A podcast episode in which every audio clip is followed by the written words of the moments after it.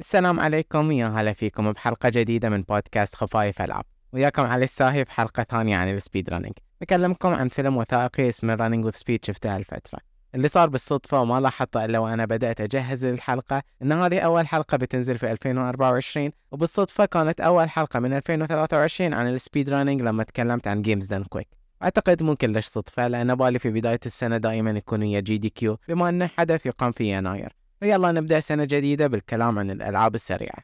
Running with Speed نزل السنة الماضية أعتقد بيونيو أو مايو مو متأكد بالضبط بس تقدرون تحصلونه رقميا على أمازون وجوجل بلاي. طبعا بما أني يتكلم عن ال speedrunning فكنت مخطط أني أشوفه بس تكاسلت أني أبدأها أكثر من مرة لأني كنت أشوف أنه مدته ساعتين ونص. بس على اقتراب حدث AGDQ اللي بيبدأ في 14 يناير قلت بقعد وأتابع الوثائقي عشان أدخل في جو GDQ وأساسا في 2023 تابعت ماراثونات سرعة أكثر من أي سنة قبلها غير عن جي دي كيو اي اس اي اللي تعودت عليهم. تابعت حدث اسمه BSG في أغسطس وكنت أول مرة أسمع عنه ومن اسمه Benelux Speedrunner Gathering فهو تجمع حق اللاعبين من بلجيكا وهولندا ولوكسمبورغ فمن الجانب الأوروبي لل speedrun وبعد مثل GDQ ففكرته إنه ماراثون لاستعراض الألعاب بسرعة وتجميع تبرعات حق جمعيات خيرية. وحتى ESA بدأوا بحدث جديد اسمه ESA Legends كان في ديسمبر والتركيز على ألعاب Final Fantasy وال JRPG. فحتى هذا تابعت منه شوي.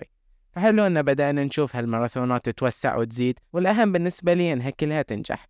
لأن بالنسبة لمتابع ومهتم بهالأحداث فحلو إنه يكون في خيارات بأوقات مختلفة من السنة واستعراض لأشخاص ودول أكثر. وإن شاء الله يكون في مجتمع speedrunner عربي وبيوم من الأيام نشوف ماراثون سرعة يقام عندنا بمستوى تنظيم وتقديم عالي. وإذا صار هالحدث لا تنسون ترسلون لي دعوة. المهم نرجع للوثائقي. Running with Speed مثل ما قلت فيلم مدته ساعتين ونص ويغطي ال speedrunning من جانب عام. فيعني هو مصمم بطريقة يشرح للمشاهد شنو هذا التصنيف اللي يندرج تحت هواية الألعاب الإلكترونية. ويركز على مجموعة أشخاص من الرانرز اللي لهم سمعة وحطموا الرقم القياسي أو بالأحرى كان لهم صوت إنهم يوصلون اللعبة اللي هم يلعبونها إلى جمهور أكبر وإنهم جذبوا ناس أكثر حتى يسوون اللي هم كانوا يسوونه. فويا بداية الوثائقي أحسه مناسب إنك تشوفه ويا أشخاص يعرفون عن ألعاب الفيديو بس ما يدرون إن حتى هذه الهواية فيها عمق من ناحية الأنشطة اللي تندرج تحتها. فمثلا يمكن الأغلب يعرف عن الرياضة الإلكترونية والمنافسات والبطولات بس مو الكل يعرف عن ال speedrunning حتى من الأشخاص اللي مهتمين في الألعاب. فبداية الوثائقي يشرح بشكل حلو المفهوم العام لل speedrun ويركز بالشرح على سلسلة ماريو كمثال لأن الأغلب يعرف هالألعاب. وبعد يشرحون ليش الألعاب الكلاسيكية هي اللي بدأ ال speedrunners ينجذبون لها ويشرح الأفكار بطريقة بصرية حلوة حق ليش إتقان هذه الحركات اللي يأديها ال speedrunner أصعب من مجرد إنك تلعب اللعبة بسرعة. فال chapter الأول من الوثائقي يشرح الفكرة والأساسيات بطريقة كلش مفهومة وتجذب المشاهد بقصة حقيقية تتعلق بال runners حق ألعاب ماريو من الأولى و 2 و 3 World وبعدها تروح لجانب ال ROM hacks وتشرح فكرة ألعاب الكايزو. وصح يمكن كان المفروض أقول من البداية بس الراوي للوثائقي هو Summoning Salt وهو شخص فيديوهاته على يوتيوب توصل لملايين المشاهدات وهو يشرح عن ال speedruns وهو من ضمن اللي كتبوا الوثائقي فكلش ما استغرب من جودة المعلومات في هالفيلم. ال chapter الأول يتكلم عن AndrewG وتاريخه ويا ماريو الأولى و Mitchflowerpower ويا ماريو 3 و GrandPooBear ويا ألعاب الكايزو. ويدخل شوي في علاقة البث على تويتش كجزء من حياة ال speedrunner ووظيفتهم الرئيسية اللي يعتمدون عليها ويعطي تفاصيل على المجتمعات اللي بنوها هالأشخاص. فمثلا Grand POOBear اللي هو كان رياضي محترف ويا Red Bull بس تعرض لحادث تزلج. وخلال هالفترة اللي كان يتعافى منها من الإصابة بدأ بال speedrunning وبنى مجتمع حول هالهواية.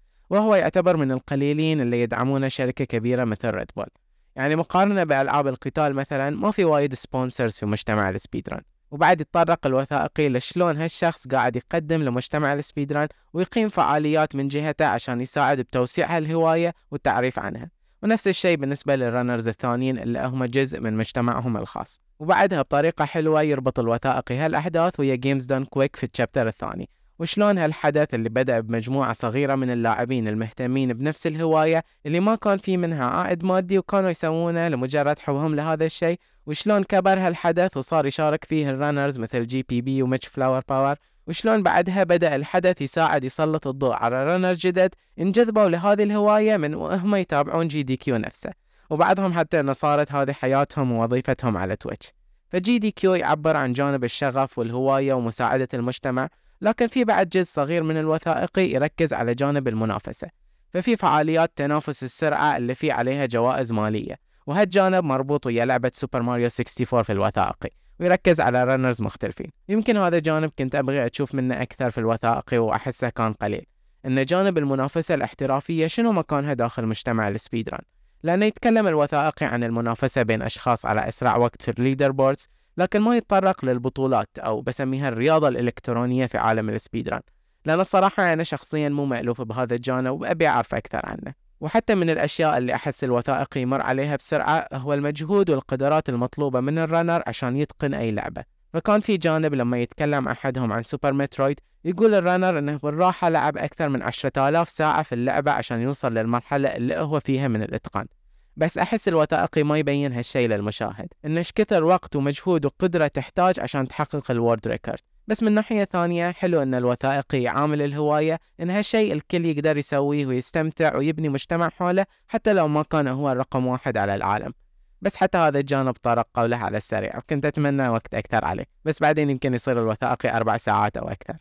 بس عموما وايد عجبني المحتوى اللي قدمه والمعلومات اللي ركزوا عليها في وثائقي موجه للجمهور العام. أحس لو أنك شخص مو مهتم ولا تعرف أي شيء عن ال speedrunning فإذا تشوف هالوثائقي بتكون عندك فكرة عامة ويمكن حتى اهتمام وفضول أنك تفصل أكثر وتبحث عن معلومات أكثر في الجانب اللي شد انتباهك.